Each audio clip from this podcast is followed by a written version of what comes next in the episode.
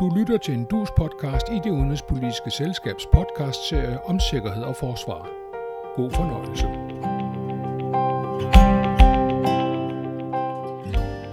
For bare 100 dage siden så det ud til, at kun et mirakel kunne give Ukraine en sejr mod Rusland.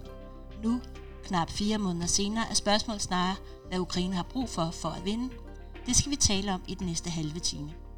Vi er denne gang militærforsker på Institut for Militære Operationer på Forsvarsakademiet, Orlovskaptajn Anders Puk Nielsen og vores faste DUS podcast og sikkerhedspolitisk journalist Tage Bagmand, og for bordenden mig Charlotte Flint Petersen, direktør for det udenrigspolitiske selskab.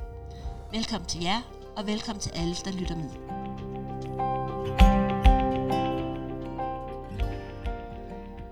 Anders øh, Puk Nielsen, kan Ukraine virkelig under gunstige omstændigheder vinde den her krig? Det kan de godt. Øh, altså, det er uklart, hvordan krigen kommer til at ende, og det kan godt være, at øh, det kommer til at gå dårligere for Ukraine. Øh, det kan også være, at det så ligesom fryser fast, bliver sådan en frossen konflikt, men det kan også sagtens være, at Ukraine går hen og vinder. Og Tage Bagmand, kan Rusland virkelig øh, gå hen og tabe den her krig? Altså Rusland, øh, eller Putin, øh, har jo to krige i gang, kan man sige. Den ene, den handler om at tage nogle bidder af Ukraine. Øh, den kan han måske gå hen og vinde. Han kan også gå hen og tabe den.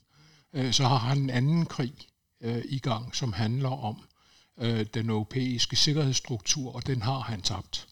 Øhm, øh, og han har tabt den ved sine egne handlinger. Han har sørget for, at, øh, at der pludselig gik hul på Sverige og Finlands øh, ønsker om at blive medlem af NATO, og det vil sige, at han i stedet for at begrænse de grænser, han har op mod NATO, så får han i stedet for udvidet dem med i hvert fald øh, 1340 km, eller hvor meget det er.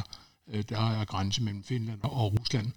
Øh, han har ændret holdningen i, i EU til et øh, eventuelt ukrainsk medlemskab, det er bestemt heller ikke noget, der er med hans gode vilje. Og hvad, hvad der sker, når vi, øh, når vi ser nedfaldet fra, fra NATO-topmødet øh, i Madrid, øh, det ved vi ikke, men det kan også blive et nederlag for ham. Så han har tabt på en lang række punkter. Øh, spørgsmålet er, om han, om han lykkes med at tage et lille stump land fra øh, Ukraine. Og Anders Puk Nielsen, hvordan ser status egentlig ud øh, på den militære slagmark?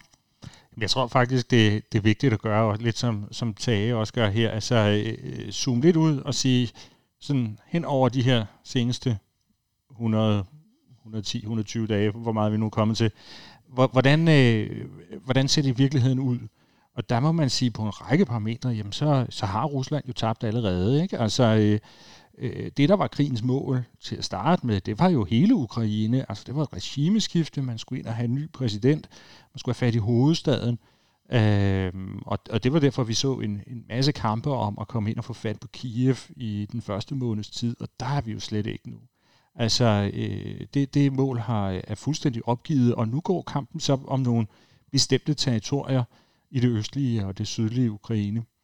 Øhm, så på den måde så er, er målene for krigen også blevet redefineret, så det, og det skal vi jo øh, huske, når det er, vi taler om, jamen har Rusland muligheden for at vinde? Ja, det kan godt være, at de har muligheden for at vinde i forhold til de her nye mål, som er meget mindre end de største, øh, som de startede med. Øhm, altså konkret så, øh, så ser det sådan ud lige nu, at øh, det faktisk er gået temmelig meget stå. Altså, øh, der er ikke nogen af siderne, der egentlig formår at presse de andre baglæns øh, sådan rigtigt. Altså, øh, øh, rent militært, så er det sådan, at russerne har en række fordele i at have rigtig meget artilleri, rigtig meget ildkraft, de kan bringe til kamppladsen. Altså, de har simpelthen flere kanoner, de er mere langrækkende kanoner end ukrainerne, og de skyder helt vanvittigt meget med de her kanoner. Til gengæld så har russerne nogle kæmpe svagheder i forhold til øh, infanteri, altså de her fodsoldater, som rent faktisk er dem, der skal ind og øh, erobre de områder, de, er, de kommer frem til der har de simpelthen bare overhovedet ikke nok.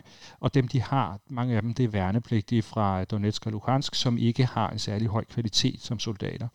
Øh, og, og hos ukrainerne ser det præcis modsat ud. Altså, de mangler så artilleri øh, til her langrækkende kanoner, men så har de masser af soldater, og de har også relativt gode soldater. Øh, de har i hvert fald nogle af deres soldater er, er ret gode. Øh, så, så det er sådan forskellige styrker, de har, og der, hvor vi står lige nu, er at faktisk ingen af dem sådan for alvor formår at skubbe de andre baglæns. Og øh, har vi nogen idé om, hvad der vil forrykke den balance, altså for alvor? Er det, øh, er det altså, jeg ved, at der er tale om, at der bliver sådan mobiliseret af bagvejen i, i, i Rusland i de her dage. Altså man, selv, man, man kalder det ikke en krig, men man er i gang med på en eller anden måde at, at mobilisere alle de våbenfører mænd. Ja, altså det vi har gang i, det er en nedslidningskrig. Altså, så det vil sige, nu står det på sådan her, det er meget intensivt, og begge sider tager meget store tab. Og det gør vi så øh, indtil, at det måske viser sig, at den ene side lige pludselig begynder at få overtaget. Altså, så det er, øh, det er sådan en gensidig nedslidning, der foregår, og dem, der på et eller andet tidspunkt vil begynde lige pludselig at få muligheden for at få et momentum, det vil være dem, der håndterer nedslidningen bedst. Og, og nedslidning, det er jo altså det er jo ret brutalt. Det betyder jo helt konkret, at når der er en, øh, en kampvogn, der er gået i stykker, jamen så skal man så stille en ny derud. Øh, og når der er en soldat, der er død, jamen så skal man jo så sætte en ny øh, soldat ud. Øh, og så, så, så er det jo så dem, der kan blive ved med at hele tiden erstatte tabende bedst, der, øh, der vinder. Øh, og øh, altså, der foregår fra begge sider sådan en, en virkelig intens kamp bag linjerne om at øh, hele tiden få, få nyt frem. Og russerne, de gør jo så det, de prøver med lys og lygte at rekruttere øh, soldater til den her kamp. Og det er jo det, hvor, øh, hvor jeg sagde, at, at russerne de har nogle udfordringer med infanteriet. Altså det tyder på, at de har svært ved at finde de soldater, der skal frem. Til gengæld så, så har de jo altså en del materiel, som de formår at, at, øh, at få frem til at, at erstatte det materiel, der bliver ødelagt. Og ukrainerne, de gør det samme. Altså, de har også, øh, de har, de har jo lavet en, en rigtig mobilisering og er i gang med at opbygge en, en hær, og, øh, og, og de får så leveret rigtig mange våben fra, øh, fra Vesten. Så det er jo sådan, de, øh, det de gør hver for, hver for sig, for ligesom at prøve at vinde det her på den lange bane. Det, det afgørende i øjeblikket, den afgørende faktor i øjeblikket, det er tiden. Netop fordi det er en nedslidningskamp, der er i gang. Øh, og, og der skal man bare være opmærksom på, at, at ja, Ukraine har fået en masse fra Vesten, i hvert fald en masse løfter. Øh, men, men problemet er, at øh, de ting, de er blevet lovet, de skal, de skal frem. Og man skal træne øh, ukrainske soldater i at bruge de her våbensystemer, især når vi taler om, om det, de har mest brug for, nemlig tungt artilleri. Øh, så er det en øh, længere proces, kan man sige. Tyskerne har lige lovet øh, ukrainerne, at de kan få et, øh, et luftværnssystem, der hedder IRIS. Og, og det er meget godt. Men IRIS er et system, der består af øh, fem forskellige køretøjer. Øh, der er en radar, der er en, en, en ildledningsvogn, øh, der er nogle affyringsvogne. Øh, øh, og og, og det, alt det her skal spille sammen. Det skal man altså lære at håndtere. Og så skal det lige produceres. Så når man grætter lidt i overfladen, så kan det her leveres. Man kan levere et eksemplar af det her system til november. Øh, og det er sådan noget, ukrainerne er op imod. Man forstår godt, at de bliver desperate efterhånden, som de ser, øh, som de ser det her, der, øh, som de ser det her ske. Der sker også det, at de vestlige lager af ammunition til russisk bygget artilleri er ved at være tømte. Øh, og det er dem, der bliver ført frem til Ukraine, det er dem, de har brug for, indtil de får vestlige systemer. Men igen, vestlige systemer, får de leveret en tysk øh, Leo 2 øh, kampvogn, jamen så skal de lære at bruge den, de skal lære at køre den, det skulle være forholdsvis nemt, men den, det tager også tid øh, at få uddannet, man, øh, uddannet mandskabet til det. Og så er det det, øh, Anders også talte om før, øh, nemlig at sådan en kampvogn går jo i stykker, den skal repareres. Der skal være folk med, der kan reparere, og da de vestlige lande jo ikke sender mandskab med ind i Ukraine, øh, for ikke at optrappe konflikten, jamen så skal ukrainerne selv være klar til at, at, at gøre det her. Øh, det tager tid, og tid er det, øh, Ukraine måske har mindst af lige i øjeblikket. Det er en rigtig vigtig pointe, Tage har her med, med det her med øh, den gamle sovjetudrustning, og så øh, det, at ukrainerne nu får noget udrustning fra, øh, fra Vesten. Og øh, hele behovet for vedligeholdelse og uddannelse af mekanikere og alle de her ting, altså det er en helt vild omstilling af hele deres materielpark, som ukrainerne har gang i. Sagen er jo, at de stille og roligt er ved at løbe tør for ammunition, øh, tør for reservedele, til alle de ting, som udgjorde deres materiel, da krigen startede. Og, øh, og nu laver de så en øh, 100% udskiftning af det hele til at køre efter vestlige standarder. Og det vil sige, når vi kommer måske tre måneder længere hen i krigen, jamen så har de overhovedet ikke noget tilbage af det der, som, øh, som var det gamle øh, sovjetiske. Øh, det, er jo, det er jo en fuldstændig vild omstilling, som de er ved at lave, samtidig med, at de så i øvrigt fører den største krig i, øh, i Europa siden 2. verdenskrig. Øh, det, det, det er virkelig dramatisk. Der var nogle, øh, nogle militærfaglige vurderinger her for, for ganske nylig, som du måske kan øh, sige mere om. Øh, men, men sådan som jeg hørte dem, så sagde de, at vi skal vente en uge, to uger, tre uger endnu, før vi ser effekt effekten af de første øh, leverancer af vestlige våbensystemer, som, som er kommet til, til Ukraine, før vi ser effekten af dem på, på slagmarken. Øh, og det kan godt vende billedet noget. Men, men det, som jeg også synes er interessant, det er jo det, at samtidig med, at de laver den her udskiftning, så er det jo også en, en kultur, som er... Altså, jeg, jeg så en video, hvor de, hvor de vidderligt altså, øh, ligesom leget med alle de her nye våben, de var ved at få. Er det, er det noget, du også kan konstatere, at der er også en sådan en, en sult, altså, skal man sige, øh, efter at, at lære det og bruge det, og altså, man er ikke bange for at, at tage de her nye våbentyper i brug? Jamen helt, helt sikkert, og, men jeg tror også, altså fra start af har der været sådan meget, hvad kan man kalde det, en entreprenørånd øh, blandt ukrainerne. Bare giv os det hele, vi skal nok regne det ud. Efterhånden, som krigen kommer længere hen, øh, så tror jeg også, der er en erkendelse af, at man er nødt til ligesom at have gennemtænkt alt det der med forsyningskæder, vedligeholdelseskæder af systemerne også. Øhm, og at, altså ofte så er det jo ikke det svære, det er jo ofte ikke at bruge et våbensystem. Det er jo mere det der med at, at vedligeholde det og, øh, og reparere det, når det går i stykker. Øhm, og øh, når de har enormt mange forskellige typer, som de jo har fået i den her første fase, hvor alle mulige lande bare gav dem alt muligt, jamen så, så, så bliver vedligeholdelseskæderne bare rigtig svære. Øh, og der tror jeg, at vi vil se sådan, over den kommende tid, der vil blive gjort nogle, nogle øh, forsøg på ligesom at øh, effektivisere det lidt ved at de donationer, ukrainerne får, det primært kommer til at være sådan, at man satser på nogle bestemte typer af våben, for ligesom at holde øh, logistikken mere simpel. Hvor mange mænd er der i virkeligheden på hver side? Altså, hvor mange soldater har, eller infanterister har ukrainerne, og hvor mange infanterister har russerne? hvor mange generaler har russerne? Altså hele den der mm. struktur. Hva, altså hvad er sådan ligesom tallene? Jamen altså, det, det vi talte om, da krigen startede, der talte vi meget om, at russerne havde omkring 200.000 på deres side, og, øh, og ukrainerne havde cirka et, øh, et tilsvarende tal. Øhm, så er der jo så nogen, der er gået hen og døde undervejs, kan man sige, og russerne har jo også sendt flere til. Så alt i alt, så synes jeg, jeg har set nogle tal på, at russerne har haft op omkring 350.000 soldater på en eller anden måde involveret i den her krig nu. Øhm, og det er jo så ud af en samlet styrke på omkring 800.000 soldater, som russerne har, men altså det er nogenlunde, hvad de kan stille, når det er, at de ikke må bruge de værnepligtige, som de for eksempel ikke må, og sådan noget. Altså så er det, det er omkring deres maksimum. Øh, ukrainerne har jo omvendt så lavet mobilisering, øh, startet på omkring de her 200.000, men har jo så øh, øh, sat gang i en, en uddannelse af en ny her og øh, har, har erklæret en målsætning om at komme op på en million soldater.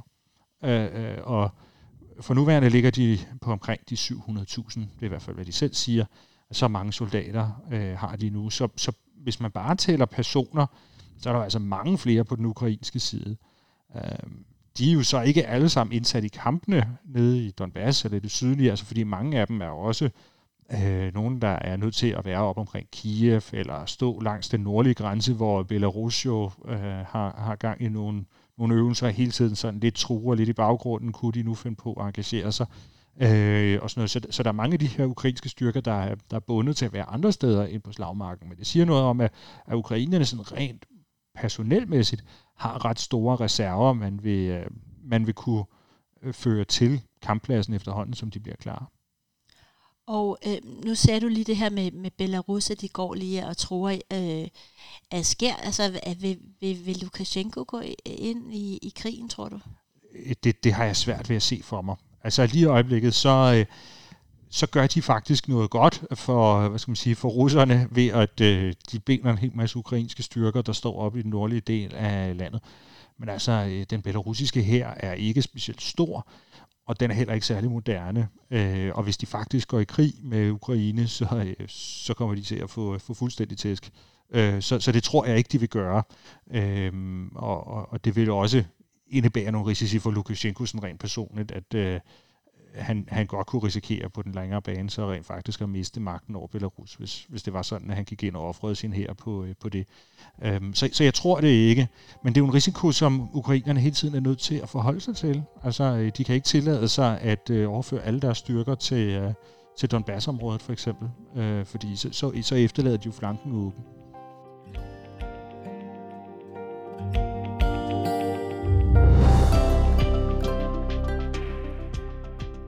Vi er i gang med en podcast i det udenrigspolitiske selskab serie om sikkerhed og forsvar. I dag om, hvad der skal til for, at Ukraine kan vinde krigen mod Rusland. Med om bordet er militærforsker på Forsvarsakademiet Anders Buk Nielsen og vores faste podcaster, Tage Marmon. Jeg er Charlotte Flint Petersen, direktør i det udenrigspolitiske selskab.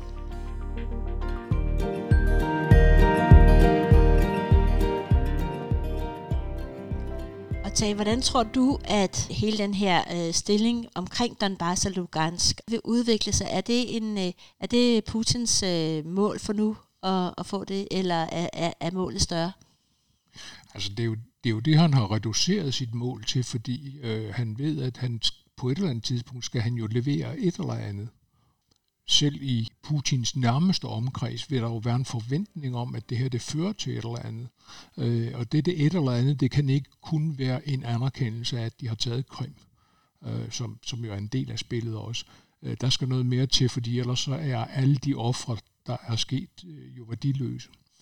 Øh, så han er nødt til at satse på Donbass øh, som det synlige tegn på, at det her det har kunnet betale sig.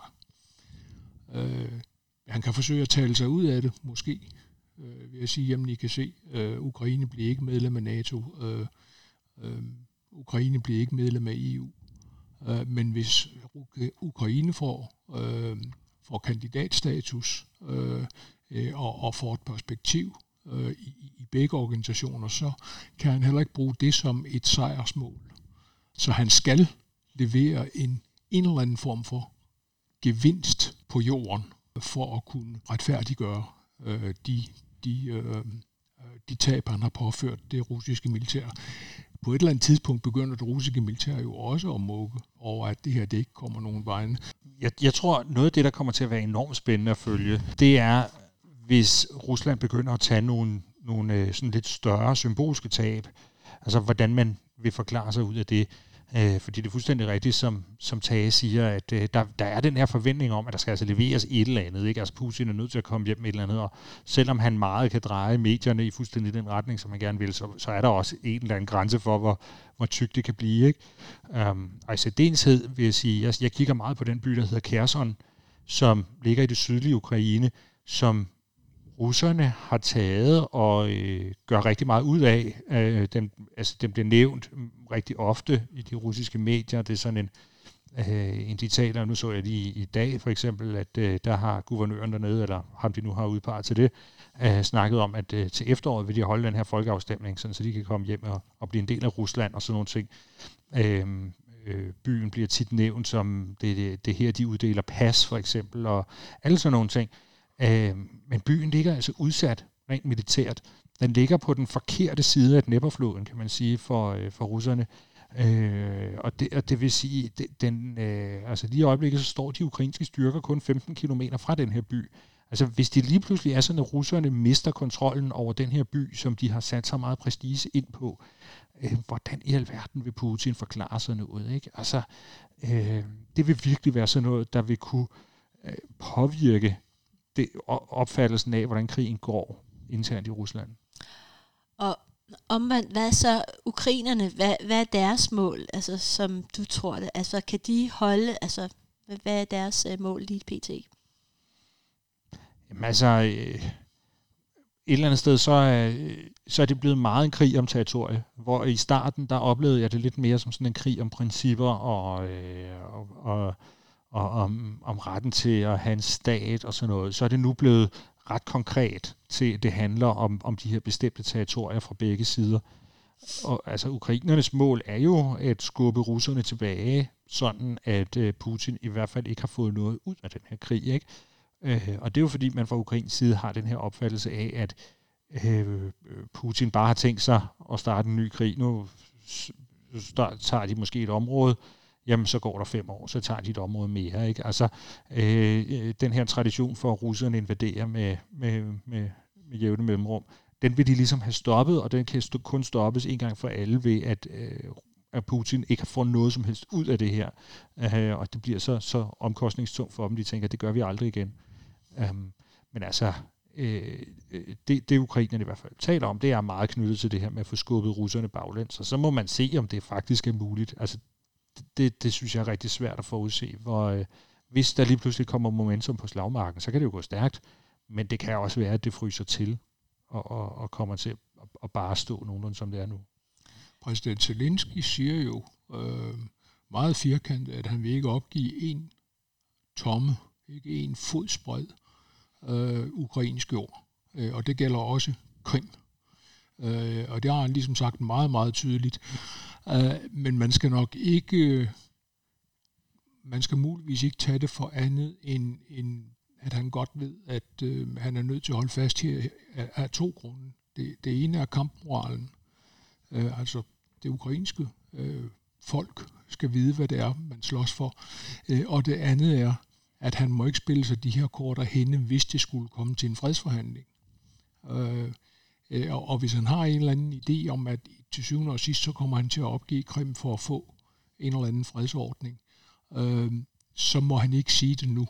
Øh, fordi så, øh, så har han ligesom øh, øh, tabt øh, øh det spil på forhånd.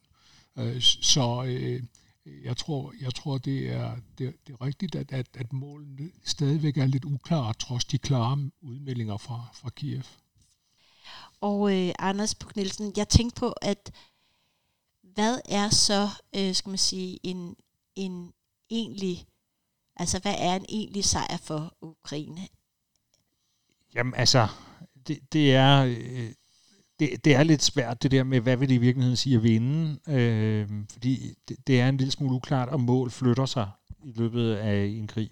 Altså, øh, Ukraine har jo vundet deres, hvad skal man sige, selvbestemmelse. De har vundet deres plads på den vestlige side af det vi jerntæppe, som der nu kommer til at gå ned gennem Europa igen. Ikke? Altså, så på den måde kan man sige, at de har noget rigtig meget, men altså, de har stadig de her territoriale øh, øh, kampe, øh, altså og, og, omkring det her med, med Donbass og de sydlige regioner, og der er målene selvfølgelig, at de, skal have, de vil have skubbet russerne baglæns.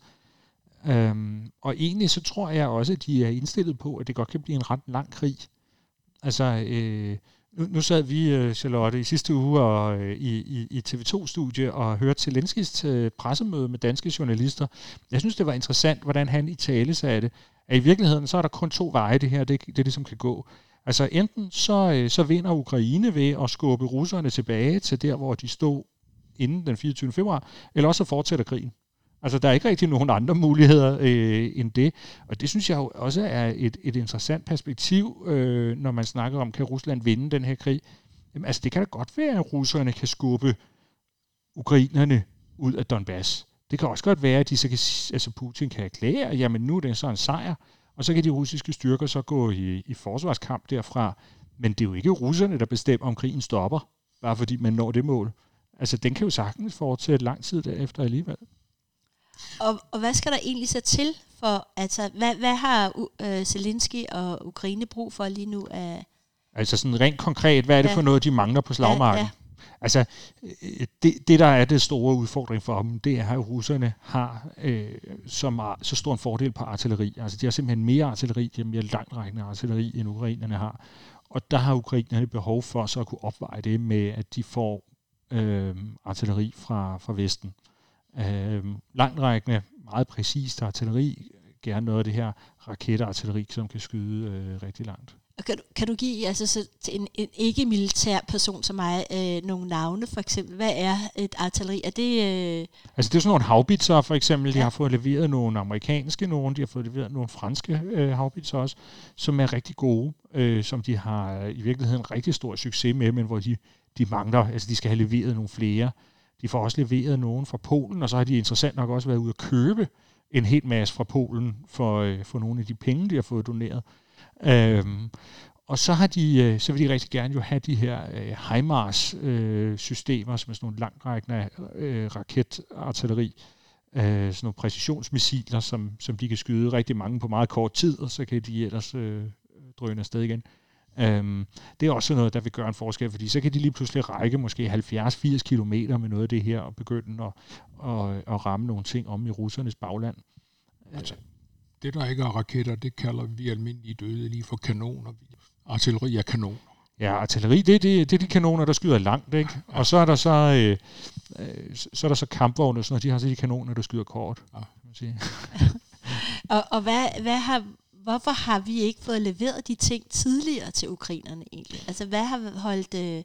Jamen, øh, vi render ind i nogle, nogle helt øh, banale kapacitetsproblemer. Altså, de, de tal, ukrainerne kommer ud med, hvor meget de har brug for, altså, det er jo mere, end hvad der findes i Vesteuropa samlet set, hvis man lægger det hele sammen. Altså, det, det er nogle helt enorme mængder, som ukrainerne kommer og så siger, at nu har de brug for det. Øhm, så det, det vil tage tid at få leveret noget af det her, og noget af det er jo formentlig også noget, der på en eller anden måde skal produceres, eller i hvert fald skal der gang i nogle produktionslinjer, inden at de vestlige lande de kan give det, de har til, til ukrainerne, så skal de have en vidshed om, at de ret hurtigt derefter kommer til at få nogle nye. Um, så, så det er noget, der vil, uh, der vil tage lang tid at opbygge den her uh, kapacitet. Og, og der, er også, der er også en træhed på vestlig side, altså hvis vi tager øh, tyskerne, som jo har øh, rigtig mange leopardkampvogne. Øh, de havde 2.000 af dem. Øh, på et tidspunkt for øh, 20 år siden. De har kørt de fleste i garage, men den tyske her vil ikke slippe dem. Fordi de siger, at vi kan få brug for dem, og derfor så giver vi ikke slip på dem. Nogle af dem kunne sådan set godt sendes til Ukraine, men, øh, men man vil ikke give slip på dem. Øh, og det tager, øh, siger producenten af Leopard 2, det tager cirka fem år at bygge en kampvogn. Øh, så Øh, hvis man, skal, hvis man skal producere sig ud af det behov, som Ukraine har, så tager det lang, lang, lang tid. Øhm, øh, og nu siger Anders nok, godt nok, at de siger, at de skal have mere, end, end Vesten sådan set har. Øh, og det, det skal de jo måske også sige. Øh, fordi hvis de laver sig en kalkyl, der hedder, at vi får cirka 10% af det, vi forlanger, øh, så skal de jo altså sætte målet rigtig, rigtig højt for, for bare at få nogenlunde det, de har brug for. Øh, men men øh, Øh, men vi talte før om, at det er, det er tiden, der er den afgørende faktor her, og det er den også på grund af den ukrainske kampmoral. Så det Ukraine har brug for nu også er øh, dels, at man får sat, sat gang i de her leverancer, dels at man giver dem et eller andet perspektiv, der hedder, øh, hvis I fortsætter den her kamp, så får I noget ud af det, som er andet og mere end Ukraines selvstændighed. Øh, I får også tilknytningen til Vesten på en eller anden måde. Øh, og der er den store præmie selvfølgelig øh, NATO-medlemskab. Øh, og det ved ukrainerne godt, det har lange, lange udsigter, men bare et, en, en, en antydning af, at, øh, at det kunne gå hen og lykkes, øh, tror jeg vil styrke den ukrainske kampmoral nok til, at man kan øh, holde ud et, et langt stykke tid. Men Anders, vi, der var også sådan lidt en, altså øh, Ukraine siger, at der dør 200 soldater om dagen, men der er også øh, øh, spekulationer om, hvorvidt de i virkeligheden altså overdriver øh, den der, hvor presset de er i forhold til netop at presse Vesten. Er, det, øh, er der noget hold i det? Altså jeg tror, ukrainerne prøver enormt hårdt at balancere imellem to yderpunkter i deres kommunikation, og man må sige, at de har været gode til at kommunikere. Ikke? Altså, den ene side er, at de vil gerne øh, øh, formidle en optimisme om, at det her, det, er, øh, det går godt, og der er, øh, der er perspektiv i det. Ikke? Altså, øh, det, skal, det, det skal nok lykkes, det her. Det er et budskab, de gerne vil, vil, vil sende på den ene side. Øhm, og, og der tror jeg måske, de på et tidspunkt erkendte, at nu var de gået lidt for vidt i det der. Altså, der i Vesten var kommet sådan en oplevelse af, at det, den er sådan set hjemme allerede. Ikke? Altså, nu, øh, nu behøver vi ikke rigtig at, at støtte så meget mere. Vi behøver ikke at tænke så meget mere over det.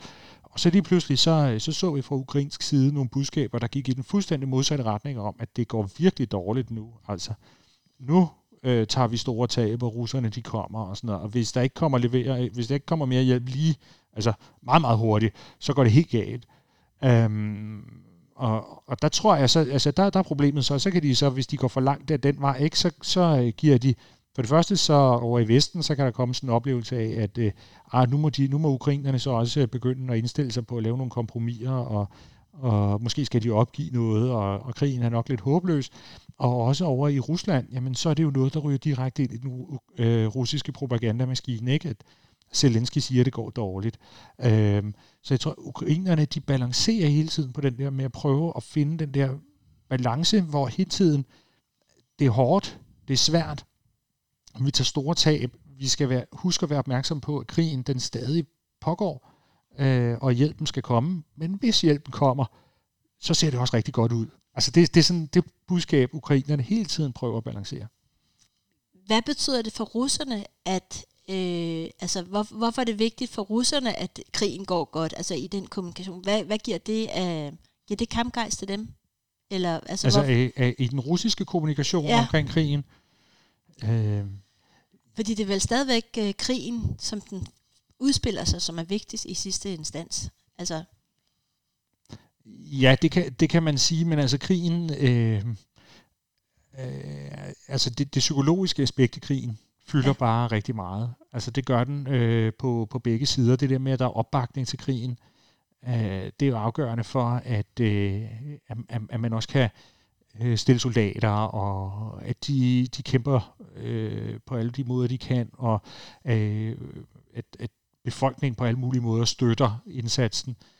Um, russerne har jo, jo den udfordring øh, omkring kommunikationen, at det altså ret beset ikke går specielt godt i forhold til, hvad man nok fra russisk side havde forventet. Så tror jeg ikke, man havde forventet, at man skulle komme til dag 120 i den her krig. Altså der, der, der var antagelsen at det skulle gå meget, meget hurtigere. Øhm, så det, altså jeg synes, når man ser de russiske medier, så begynder budskaberne sådan at køre lidt i ring, og det er de samme historier, der kommer igen om, øh, hvordan øh, øh, de bliver godt modtaget i den ene og den anden landsby, som nu er blevet øh, øh, erobret af russerne, altså befriet, som de ville kalde det, og sådan nogle ting. Altså det bliver sådan lidt, øh, fordi de har lidt svært ved at sådan helt at, at sælge den store fortælling om, at det går godt.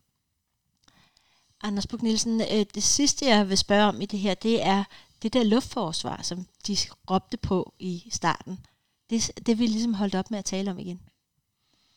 I starten der talte de meget om, at de ville have, altså ukrainerne ville gerne have sådan en no-fly zone. Ja. Øh, at NATO skulle gå ind og så sikre, at der ikke fløj nogen russiske fly. Øh, altså, det, det blev meget klart meldt ud fra især amerikanernes side, at det kommer ikke på tale. Altså, det kommer ikke til at ske, simpelthen. Øh, det vil være for farligt, øh, fordi det, vil, det, er fuldst, det er fuldstændig det samme som at erklære krig mod, øh, mod Rusland. Altså, det ville betyde, at man skulle være direkte involveret i kamp mod russerne. Men jeg vil også sige, at det var nok noget, der var mere knyttet til øh, den del af krigen, hvor det var over he, hele Ukraine, eller i hvert fald det hele det østlige Ukraine, også ind mod hovedstaden, at, at øh, krigen foregik. Altså nu er vi et sted, hvor øh, det er over i det ene hjørne, og vi er også i øvrigt et sted, hvor russerne, det er jo super interessant, og også i øvrigt, at russerne er ved at være mere eller mindre skudt tom, hvad angår de langtrækkende præcisionsmissiler. Så de har ikke rigtig kapaciteten til sådan for alvor at lave luftangreb over hele Ukraine længere. Øhm, og så, så vi ser ikke på den måde den der lufttrussel.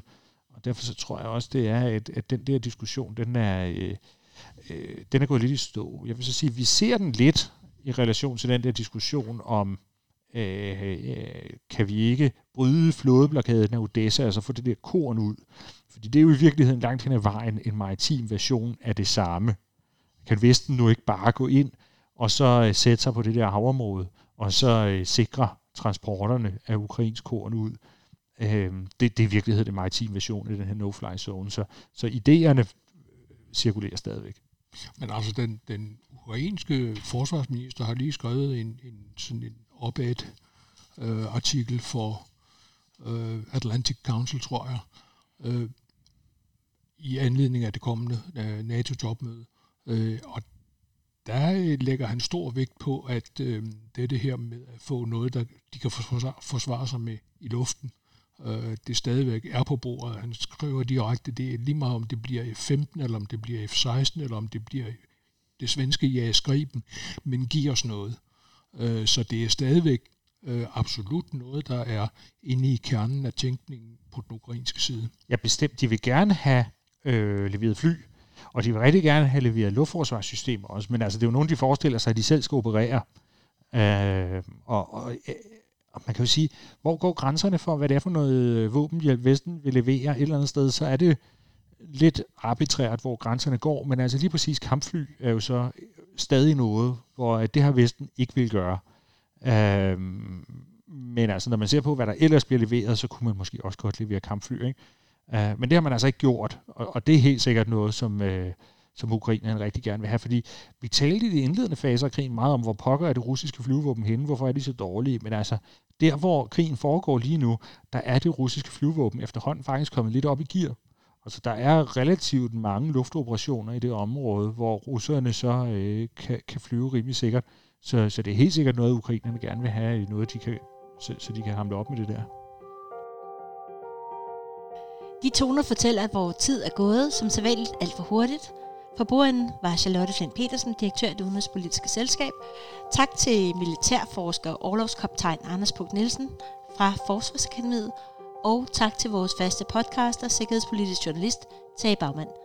Og som altid tak til jer, der lyttede med.